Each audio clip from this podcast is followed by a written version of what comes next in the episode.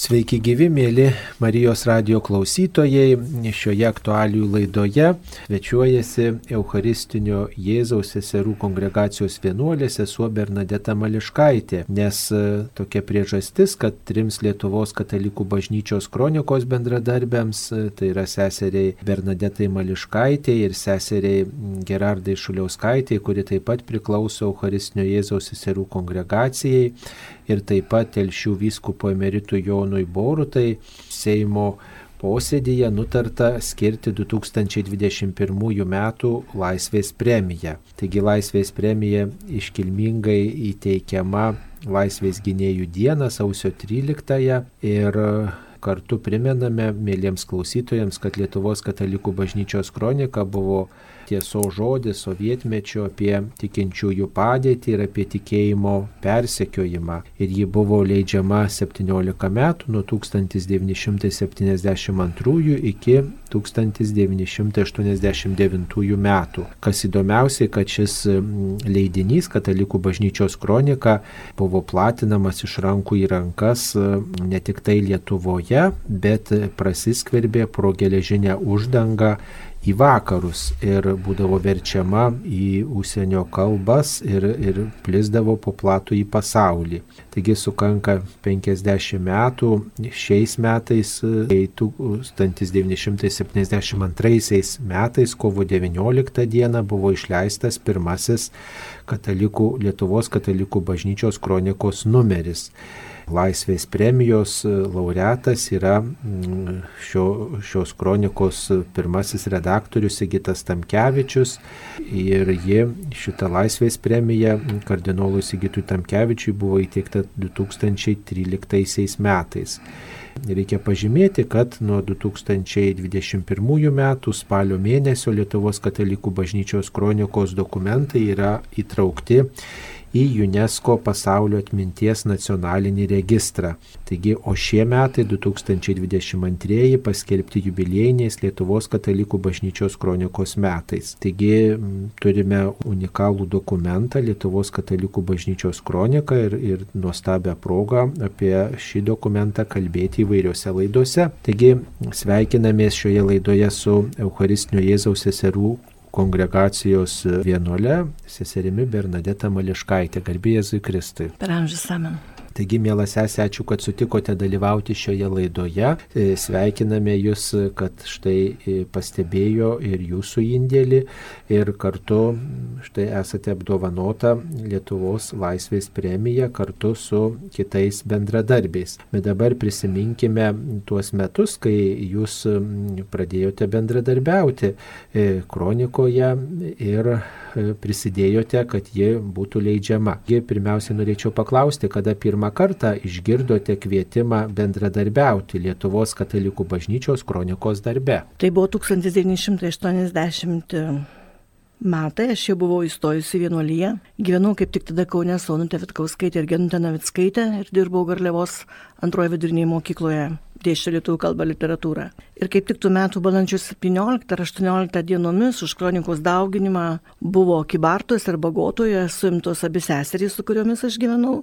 Paprastai po areštų visada seka krata tardymai ir aš buvau pakviesta į Vilniaus saugumo apklausai. Tai viską prašiau po to, kaip anais laikais nu, buvo įprasta ir perdaviau. Esu kibartėti, tai savaitgaliais vykdavau į tėviškę. Aišku, ten gyveno ir kai kurios mūsų seserys. Ir neužilgo tuometinis parapijos klebonas, kuningas Sikitas Tamkevičius, pakvietė prisidėti prie kronikos darbų. Iš pradžių taip nudžiugau, nes dar turėjau su kronika tokią prieš istoriją. Studijuojant trečiame kurse, man į rankas buvo pakliuvęs visas pluoštas pogrindžio leidinių. Žinoma, daugiausia kronikos numerių, bet ten buvo Alma Mater ir perspektyvos, ir rūpintojėlių numerių. Ir tada man taip nei iš šio, nei iš to tiesiog, tiesiog iš niekur. Šovė tokia mintis, kad man kažkada reikės viename iš tų leidinių dirbti. Buvau studentė, buvau jaunas žmogus, visada, jaunas žmogus visada yra dėlistas. Ir į pedagoginį institutą aš įstojau būdama nekomjaunuolį. Kai visi pranašavo, kad neįstosiu, nebaigsiu, moktą nedirbsiu. Ir ta mintis man buvo tokia, kaip aš įstojau, dabar jau trečias kurs, kursas ir aš kažkaip turėsiu atidirbti, juk ne veltui įstojau. Ir kadangi buvau lituanistai, mane dar žadėjo knygnešėjai, nu visą tai man buvo prasminga, vat, ką studijavau. Tas tiesos žodis, bet ta mintis tokia išmėstelėjus, jinai kažkaip mane išgazdino, nesakau, kad aš ten norėjau ar panašiai, bet kai jau buvau sesuo, aš tada jie buvau pasakius vyresniesiems. Aišku, jie patylėjo, paklausė ir neregavo. O pakvietimas, kaip sakau, buvo po, po sesirų areštų, kada kronikai buvo pakankamai sunku ir tiesiog reikėjo, kad kažkas dar naujas įsilietų. Aš buvau tiesiog laikų ir vietoj, nes lietuvų kalbą studijavau, kibartuose gyvenau. Taip ir kokia jums buvo patikėta užduotis kronikos leidyboje? Kurį laiką aš dar dirbau Kaune, mokytojavau, grįždavau tik savaitgaliais. Iš pradžių, kiek pamenu, manęs paprašė peržiūrėti tikinčiųjų teisėms ginti katalikų komitetų dokumentų kalbą. Ir tiesiog, kiek pamenu, tai man atrodo, kad tiesiog iš karto nu, redaguoti medžiagą, kuri buvo skirta katalikų, Lietuvos katalikų bažnyčios kronikai atskirus tiesiog tokius straipsnelius. Taip ir aišku, tą reikėjo daryti tokiom konspiraciniam sąlygom, negalima buvo įsidėlioti tų, e, tų rankraščių ant stalo ir reikėjo gal, taip sakant, slapstytis. Tai kaip pavyko per visus tuos metus išlaikyti tą tokią paslaptį, juk dirbama buvo slaptomis. Nu, ant stalo tai tikrai iš, išsiviniodavom ir darydavom tai. Bet langus reikėdavo užsidangstyti ar, ar panašiai. Nu, gal ir taip mes susidangstydavom, bet tai nereiškia, kad reikėjo. Dar kviesdamas bendradarbiauti, kuningas Sikitas Tamkečius pasakė, kad apie tai su niekuo ir nieko. Ir man įsiminė tokie, tokie žodžiai, kad žemės tyla ir šulinio paslaptis. Ir tai buvo savame suprantama, nes nežinoti daugiau, nei tau būtina žinoti, buvo naudinga. Nes nežinojimas saugojo ir tave pačią, ir kitus. Nes kuo tu mažiau žinosi, tuo mažiau išsiduosi arba išduosi tarptaimų areštų metu, jeigu jie lauktų. Pamenu, kurį laiką gyvenome keturios seserys vienuolyje ir mačiau, kad viena išvažiuoja kelioms dienoms, kita pusdieniui, trečia irgi kažką spėjau, kad daro, jos irgi mane matydavo. Bet neprisimenu, kad nors viena kada nors būtų paklaususius, ką aš darau, ar kad aš būčiau klaususius. Ir jie iš tiesų tai taip atvirai pirmą kartą susėdom ne iš smalsumo, iš reikalų pasikalbėti, kai suėmė redaktorių kuningas Gita Tamkevičių, tada nuvažiavom už miestelio porą kilometrų, susiradom plyną lauką, kad matytume, jei kas sektų ir pasikalbėjom, kaip ir ką toliau darysim. O kaip tą konspiraciją laikyti arba, nu, tiesiog tylą, tardymo metu irgi buvo žinojom, nes kursavo tuo metu tokia iš rankų rankas į daug knygutė, kaip laikytis tardymo metu Maskviečiai atvažiavę pasakodavo, nu, praktika išbandyta, turbūt lietuvų pogrindžio laikais, partizanų laikais, kad kalbėti turi, nes kitu atveju tau gali būti užvesta byla. Bet kalbėk ne apie kitus, kalbėk apie save. Jeigu klausi apie kitus, sakyk, kad neturi moraliniais teisės, geriau tiesiog klauskit jų iš karto. Šiaip nesakysiu, jeigu labai kas nors O kitu atveju neprisimenu, nežinau, kariuomeniai posakis, o laikas eina ir tarnyba eina su laiku. Nedaly, tiesiog nedalyvauti, ne, neužkipti už kabliuko, ne už... O kai mažiau žinai, tai ir, ir verčiamas mažiau užkimbinės. Daug ko tiesiog nežinai. Žinai tik tai, ko tau reikia. Nes kaip tu saugoji kitus, taip tave saugojo kiti.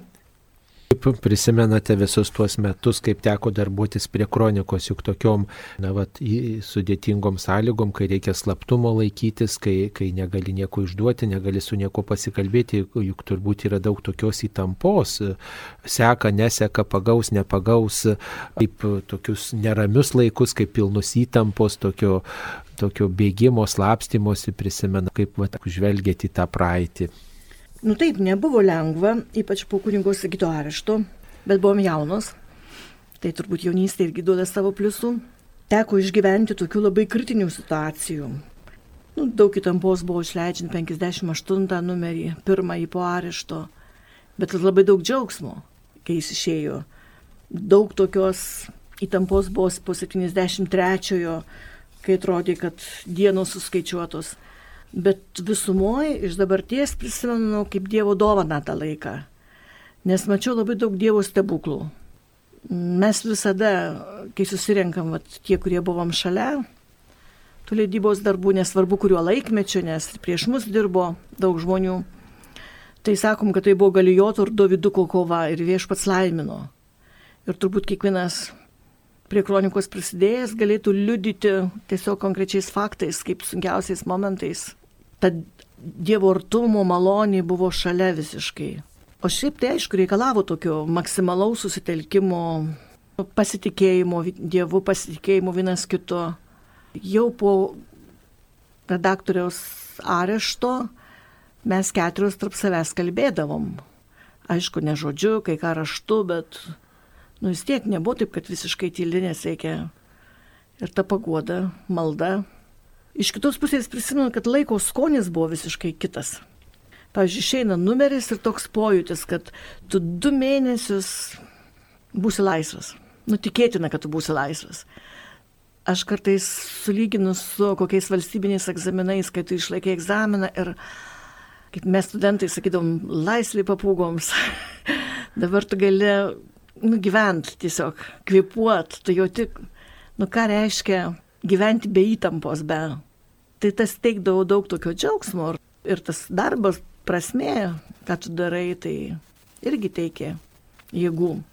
Na, kalbėjot e, apie tą laisvę, tai reiškia buvo tokios šiek tiek ir e, vis tiek iš kažko reikėjo įsilaisvinti ir tuo metu tikrai ir gal buvo tokios ir įtampos, e, bet gal ypač tuo sunkesniu metu, kai, kai grėsdavo pavojus ar, ar grėsdavo kokie sunkumai, vis tiek susidurdavo su įvairiausiais iššūkiais, ar nebuvo tokios baimės ar jausmo, tokio klausimo, nu kur aš čia įsivėliau, nu kodėl aš čia sutikau. Gal ir kažkada ateidavo tokia mintis, kad reiktų viską mesti, nes tai yra labai pavojinga. Visko buvo. Kur aš čia įsivėliau, tai nebuvo. Bet tiesiog buvo natūraliai, kad nu, ta baimė arba ta įtampa, nu, kažkaip natūraliai sekino irgi. Bet mesti taip nekilo mintis, labiau kilo mintis, kaip ištverti, kaip išbūti, kaip rasti išeitį. Nes, nu, tu negali išduoti savęs. Paskui, nu, kaip paskui gyventi. Nežinau, ar čia klausytojai supras, bet aš sakau kitiems, kad nu, įsijungdavo kažkoks vidinis motoriukas, kad tu nu, negali. O šiaip aš gal tik vieną ar du žmonės mačiau išskirtinai drąs apdovanotus, tiesiog sutvertus pogrindžio veiklai. O visi kiti, mano akimis, tai buvo tikrai normalų žmonės, bijantys, kančios, skausmo, įtampų. Nu, visi sveiki. Aš taip, pažiūrėjau, atsimenu, kad jau pirmą rytą po pakvietimo atėjau ir pasakiau, kad nors vakar sutikau darbuotis, bet manau, kad turiu atsisakyti. Ir manęs tada kuningas Sigitas paklausė, kodėl. Atsakiau, kad nesu drąsuoliai, bijau, kad nepakenkčiau bendram reikalui, ko nors neišduočiau.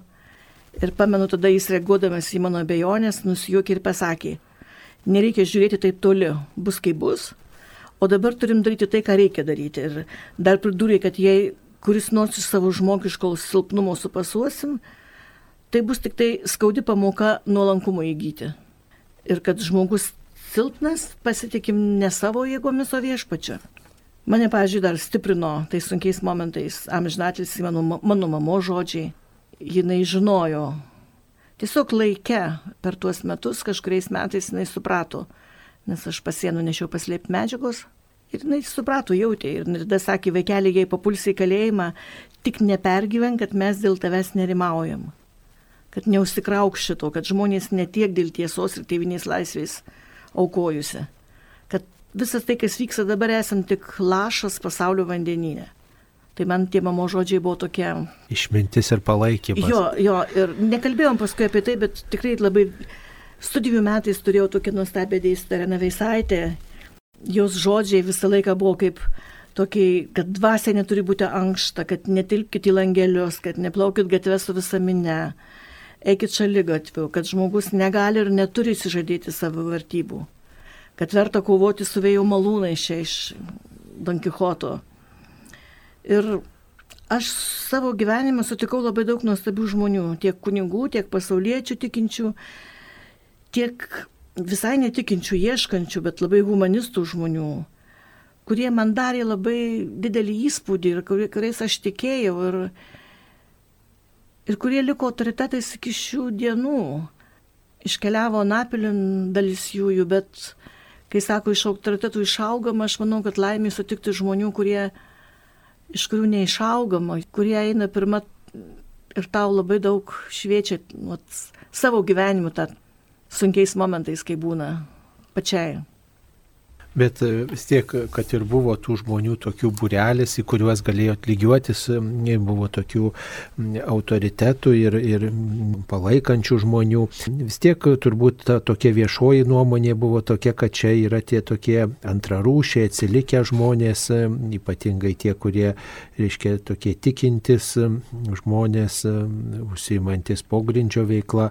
Dabar, pavyzdžiui, tie žmonės, kurie išdrįsta tai visuotiniai nuomonė, nuomoniai pasipriešinti ir kovoti su tais vėjo malūnais, jaučia tokį antros rušies sindromą, laiko juos maištininkais atsilikusiais, o tuo metu nebuvo tokios minties, kad mus laiko tokiais niekam tikusiais atsilikusiais maištininkais žiūrint, kuri pusė arba žiūrint, kas tave laiko kuo. Bet aš tai manau, kad ne tiek svarbu, kuo kas nors mane laikys, Nu, žinoma, tai nėra malonu, bet svarbiau, kiek aš tikiu tuo, ką darau ir, ir, ir ką skelbiu, arba kuo aš tikrai tikiu. Ir toj tiesoje, jeigu aš jaučiuosi, kad aš esu tiesoje, glūdi laisvė.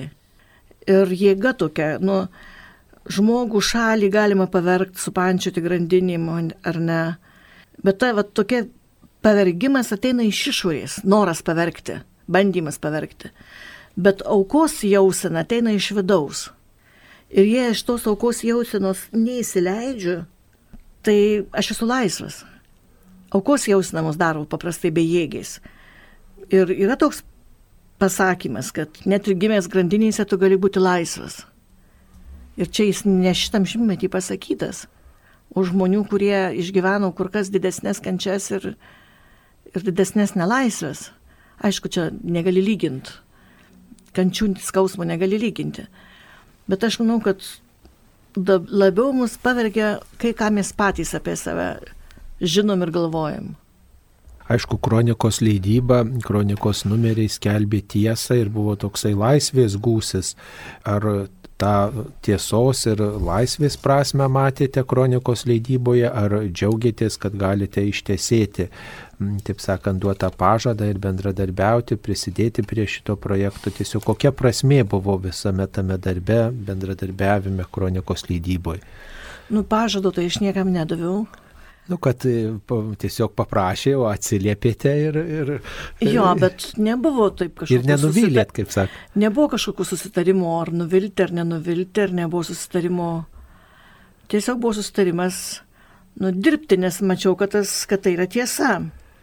Nes tikinčiųjų persekiojimai, varžymai buvo nu, neteisėti ir, ir visi žmonės tai suprato.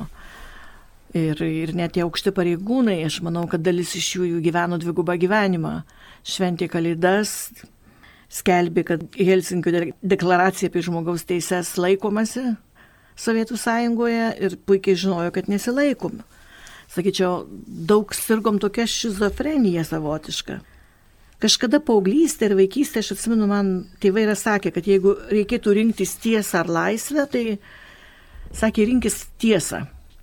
Nes išsižadėdamas tiesos gali skaudžiai paklysti. Ir aš tada dar tėvų žodžių ne visiškai supratau, bet dabar suprantu, tiesa padarys laisvus. Bet to, nu, prasmė dar ir buvo, žinot, kur matai, kaip žmonės drąsėjo.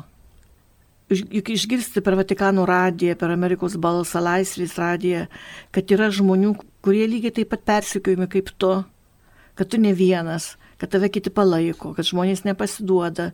Nu tai drąsino mus vieni kitus santykiais, pavyzdžiui, santykis mūsų pačioj parapijoje iki Bartų bendruomeniai. Nu, niekas ten nekalbėjom apie kroniką, bet visi darė viską, ką galėjo. Ir tėvai rašė pareiškimus, neleido savo vaikų tardyti, rinko parašus už suimtuosius. Tęsė tą veiklą, kuri buvo, kai turėjom kleboną, nesuimta, nu, kuri buvo iki arešto.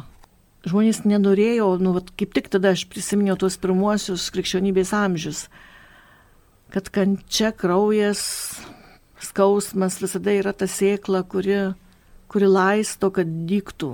Ir va tas toks daigynas, kurie matėm kibartuose tiek iš vaikų, iš jaunimo ir iš pačių mažiausių vaikų, tiek iš jų tėvų, jie patys tada taip įvardino, kad sako, kokie mes buvom nesusipratėliai, kai viską už mus darė kiti. Ir dabar, kai nėra, jie taip raidiškai tiesiog norėjo viską išlaikyti ir dar daugiau daryti. Ir nežiūrint, kad darbovietėse juos tardė arba ten neleisdavo kažkur išvažiuoti kažką, nes, nesumažėjo, laikai neatšilo. Jie buvo tokie, kokie buvo, bet žmonės buvo, kurie jau buvo, tai jie buvo drąsesni. Aišku, ne, visus, ne visų pažiūros vienodos, ne visų sveikata vienoda ir, ir buvo kas ir truputį atsitolino, bet tai suprantama. Taip, nes turbūt atsitolino gal dėl to, nes bijojo tų persekiojimų arba girdėjo apie juos ar buvo susidūrę. O kaip jūs susidūrėte su tais, kurie persekiojo kronikos leidėjų, su saugumiečiais, milicininkais, kuo alsavo tie susidūrimai? Nu, turbūt akivaizdžiausiai tai susitikdavai per kratą tardymo metu, arba kai teisdavo kitus žmonės ir mes važiuodavom palaikyti juosius, niekas neįleisdavo į salę, bet laukdavom už teismo gatvėje, už teismo rūmų. Ta turbūt pati baisiausia krata buvo pati pirmoji, ne, nes nežinojot, kaip čia viskas vyks ir ko čia tikėtis. Nu, pati pirma krata mano turbūt buvo, kai aš užėjau, kai suėmė kaip tik onutę genutę. Ir aš išėjau, tiesiog klebonas netėjo aukoti mišių ir aš kaip kibartėti nuėjau kleboniją pažiūrėti. Ir įėjau į kratą, tai nebuvo man labai baisi, nes ne pas mane kreitė, man buvo taip labai smalsu, neišleido, paskui išleido, nu, vat, kas ten vyksta. Bet, nu kaip, tiesiog nemalonu. Bet buvo tokių, matydavai ir tą Tardytojai ir kreitėjai visi, nu, jie būdavo labai noras baimė įvaryti kratai prasidėjus. Atskirti visus, kas yra būte, name, kad niekada nesusitiktų per visą kratą, per visą dieną, išgazdinti labai. Ir labai dažnai tas pavykdavo, nu, ne tiek dažnai, aš buvau gal kokie keturiose kratuose, penkiose, bet pavyksta už tai, kad žmogus reaguoja, tai tada kažkaip paltas ant tavęs, arba tu visas kažkokiu drebliu krečiamas, bet organizmas pripranta, tas lietuviškas posakis ir šuo pripranta yra teisingas, nes po kokius 15 minučių tu nurimsti ir, ir tai jau tampa tavo šios dienos norma, kuri truks iki vakarų 11 arba 9, iki kol tęsis krata. Visą dieną trukdavo. Taip, arba tardymas truks dieną, arba truks dvi dienas. Žiūrint, kiek svarbu melstis, tikėti tuo, ką tu darai. Ir tas žinojimas, kad, pavyzdžiui, kažkurį numerį leidžiant mes skaičiavom, kad už kiekvieną išleistą numerį kažkas metus laiko paukojo kalėjime arba tremty. Daugintojai, platintojai. Gi redakcija nebuvo suimta. Skirius kuninga Sigita Tamkevičių kardinolą dabartinį. Ir jis buvo suimtas taip šešėlį įvardinant kroniką daugiau už tikinčių teisėms katalikų komiteto dokumentus, už kitą veiklą antisovietinį įvardintą. Tai tada tų žmonių auka kančia irgi kažkaip teikia stiprybės, tai čia turbūt buvo didžiausia stiprybė. Kad kiti ištvėrė ir aš galiu ištverti. Nes, žiūrėkit, kaip sakoma, nu, jeigu nėra kas už idėją aukojas arba miršta, pati idėja tada. Numiršta. Taip, numiršta pati idėja, nes tikrai daugybė žmonių, kurie dabar, pažiūrėjau, susižinai, kad man buvo labai įdomu išgirsti ir kažkaip labai tikrai esu buvau dėkinga, gal dar net nepasakiau tuo momentu, Aš norėjau gauti kažkokiai parodai, kuri vyks šiais, šiais metais rašoma mašinėlė iš anų laikų. Iš šventos šeimos sesers generalinė vyresnioji, man atrodo, jinai yra gėd, iš ta negėdri Olinas Trukaitė. Jinai man atnešė rašomą mašinėlę. Ir paskui išsikalbėjom, kad dar būdama visiškai jaunutė, gal dar net tėvų namuose gyvendama, gal jau vienuolinė, jinai niekada neprašoma gavus numerį, Jį padaugindavau ir aš sakydavau, kaip to kildavo, klausiau, kaip to kilo tokia idėja, jis sako, togi buvo parašyta. Perskaitęs daug, kad kitam jie gali padaugink. Tiesiog perrašydavimo mašinėlę tą. Taip, ir, ir išplatindavo kitiem. Ir mes tokių dalykų nežinojom, kad žmonės daro. Ir pavyzdžiui, kai nuvažiavau vieną kartą į Ameriką ir tada New York'e religinį šalpos, ten patalpose mes matėm, kad yra žmonių ir patys atvežusių, perdavusių į vakarus.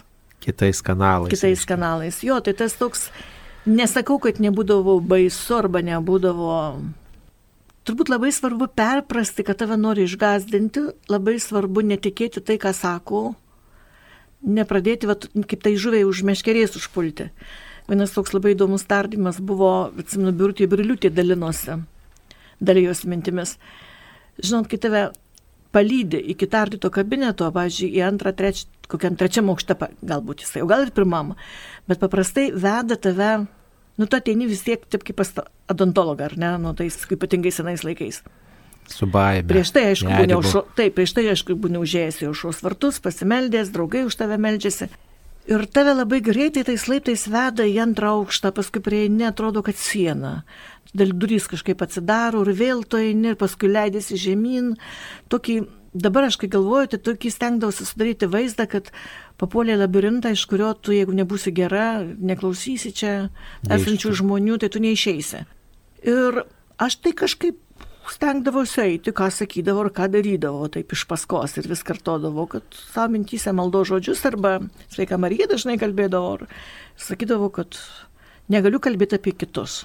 Nu, taip, jis, o biurtė, ne tokia gal buvo iš prigimties drąsesnė, bet jinai taip e, sako, bėga, bėga, aš iš paskos turiu bėgti. Na, paėmė ir sustoju už tokio, už kolonos. Ir koks buvo pasimetimas dingo žmogus saugumo rūmose. Jos pradėjo ieškoti, atgal grįžo, staiga randa jau už to, kur tu ten išeisi, jau atvesta. Ir tada jie sako, tai kodėl tu kur tu? Sako, kad jūs taip greitai einat, aš nespėju. Na, va, turėjo įžulumo. Jo, tokį. ir tada, bet jį pasakė tiesą. Taip. Ir žiūrėkit, ta tiesa daro tikrai mus laisvus. Nu tada tu lauki, kol tu derinam žingsnį. Ir tada prisitaiko prie tavęs. Taip, ir tada nu, parodo, kad nepavyksta tavęs labai išgazdinti, kad tu ne visur turi pasirašyti, ne viską turi sakyti, net jeigu reikės ir kainą tą mokėti. Ir vieni iš kitų mokymės, kaip elgtis. Buvo tokių momentų, kai pagalvojau, jau dabar viskas, pavyzdžiui, per kratą, kai, kai reiškia visiškai arti buvo, kada kronika buvo visai kažkur šalia, medžiaga kažkokia e, surinkta kronikai. Ne, matot, aš kai papuldavau į kratas, aš būdavau tuose namuose neregistruota. Tai tu, turbūt išskyrus Kauno kratą, kurią mažai atsimenu, nes jinai tiesiog buvo dėl Vitkauskaitės ir Navitskaitės. Nu taip, tokia krata.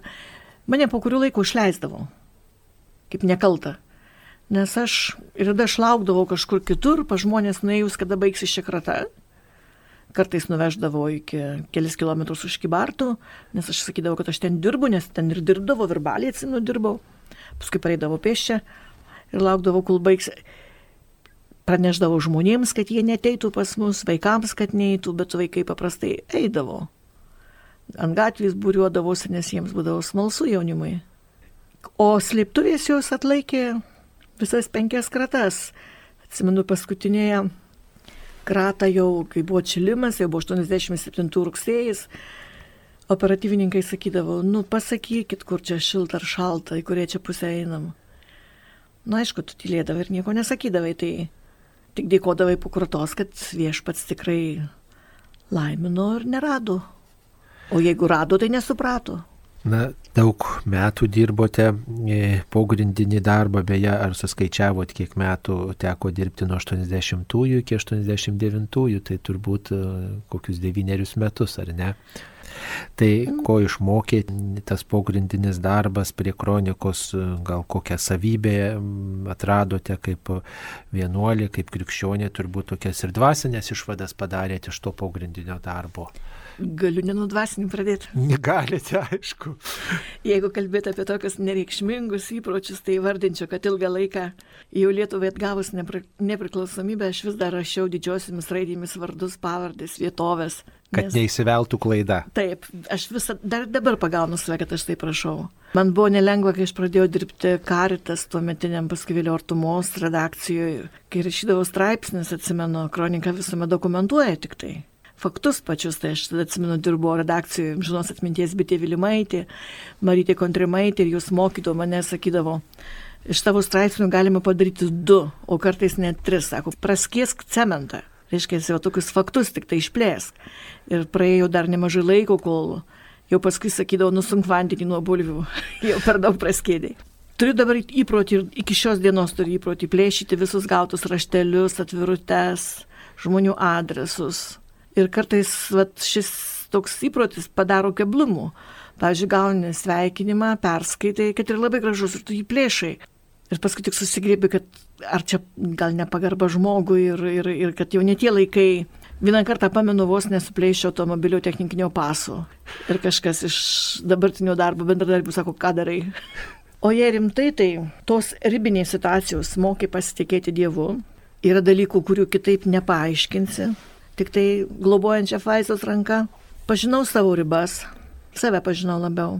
Vertybės, kurias tik deklaravau, bet jos man nieko nekainavo dar, nes gražios. Ir paskui kurias rinkaus ir tikrai išmokau, mokiausi gyventi pagal jas, nes jos net nebuvo patogius. Bet visuma vis tiek manau, kad tai buvo toks malonys metas, kad pakvietė, kad pasitikėjau, tai buvo dovana man. Nes visi mes turim tam tikras dovanas, gimstam tam tikrų laikų, tam tikrų laikų sutinkam žmonės vienus ar kitus, nes jei ne aš, tai būtų kiti. Ir turbūt svarbiausia tai kad ištikimybė Dievui, tėviniai, žmogui nu, visada lieka prasmingi ir palaiminti. Palaiminta ta ištikimybė. Kronika ėjo iki Lietuvos laisvės, to tokio nušvitimo, kada tapo Lietuva nepriklausoma, jau kronika nebeėjo, nors dar galėjo eiti, taip sakant, nebuvo susekta, nebuvo išardytos redakcijos ir visi tie žmonės turėjo tuos įgūdžius rinkti informaciją, bet nebuvo tikslo turbūt jau leisti kroniką. Na, kaip galėtume pasakyti, kokią žinę tuomet sovietmečių leista Lietuvos katalikų bažnyčios kronika dovanoja šiems laikams. Ar tai yra tik tai istorinis dokumentas, ar, ar kartu ir, ir tam tikras liūdėjimas kažkokių vertybių, darybių, galėtume įverdinti tą. Aš turbūt prasme. jau kai ką pasakiau, o šiaip tai manau, kad prasmės klausimas. Ypač vertybių, kam aš gyvenu, kaip aš gyvenu, šitame laikmetyje, kokios mano užduotys, ypač laisvės, tiesos ir ypatingai vat, šiandien, kiek aš esu laisvas, kiek aš esu tiesoje ir ką tai reiškia būti laisvu, laisvas nuo ko, laisvas kam, nes absoliučios laisvės kaip po tokios anarchija jos nėra. Nu, aišku, kronika, Lietuvos katalikų bažnyčios kronika buvo tieso žodis ir faktai apie anų laikų tikinčiųjų persekiojimus. Ar šio laikinėse informavimo priemonėse nepasigendate tokios, tokio tiesos žodžio, taip traktuojamos tiesos, faktų kalbos, kaip tuomet tai buvo vertinama ir kronikai buvo svarbu viską tiksliai aprašyti, kaip iš tiesų buvo? Aš manau, kad turbūt yra tokių leidinių dabar pas mus irgi, kur dokumentuoja įvykiai, faktai ir ne, nu, bet taip, sutinku, kad ta pastanga išlikti ištikimų tiesai daug priklauso nuo žurnalisto, nuo jo brandos, nuo jo tikslų, jeigu turi savo tikslų arba savo grupės tikslų arba nori populiarumo, tai turbūt sunkiau neprasilenkti su tiesa. Aš turbūt nesimčiau vertinti kitų darbų, bet mane asmeniškai tai, pažiūrėjau, nervina. Aš atpažįstu tai, kad kai perskaitai pavadinimą ir jis nieko bendro su turiniu neturi. Ir paprastai tokius portalus paskui ilgainiui nustoji skaityti arba nenori skaityti, nes nu, nenori būti pagautas ant meškerės. Ir tikrai va ta žurnalisto etikas, atsakomybė už žmogų, kurį tu kalbini, už informacijos teisingumą, visą tai svarbus dalykai. Ir turbūt vis dažniau dabar tokie pasaulio mąstytojai perspėjimus ar ne, kad kaip tie pranašai anam pasauliui, kad dinksta, niveliuojasi objektyvi tiesa, kad turim sunerimti, nes tada pragmatiniais sumetimais melas gali tapti tiesa. Tai kronikoje buvo svarbu, kaip jūs sakėte, taip, tas vardas, pavardė, kur vyko, kas vyko, kiek vyko, nu, labai svarbu ir dėl to rašym tom didžiosiam raidim. Kronikos specifika - faktai, o ne interpretacijos. Nes interpretacijos gali skirtis, o faktų nepaneiksi. Ir tada va tos šviesos po puodu nepavošia. Kaip šviesos nepavošia, taip ir tiesos nepavošia. Anksčiau ir vėliau jinai kažkaip išaiškėja. Nu, o tai, kai gaudavot um, informaciją, beje, kaip, kaip jį jūs pasiekdavo, čia redaktorius duodavo tuos uh, faktus, kuriuos reikėdavo surinkti mašinėlę, suredaguoti tą visą sakinį sklandžiai, kaip, uh, reiškia, pasiekdavo jūs um, tą informaciją iš... Tai nuo 80 metų iki 83 gegužės 6 daugiausia tikrai taip.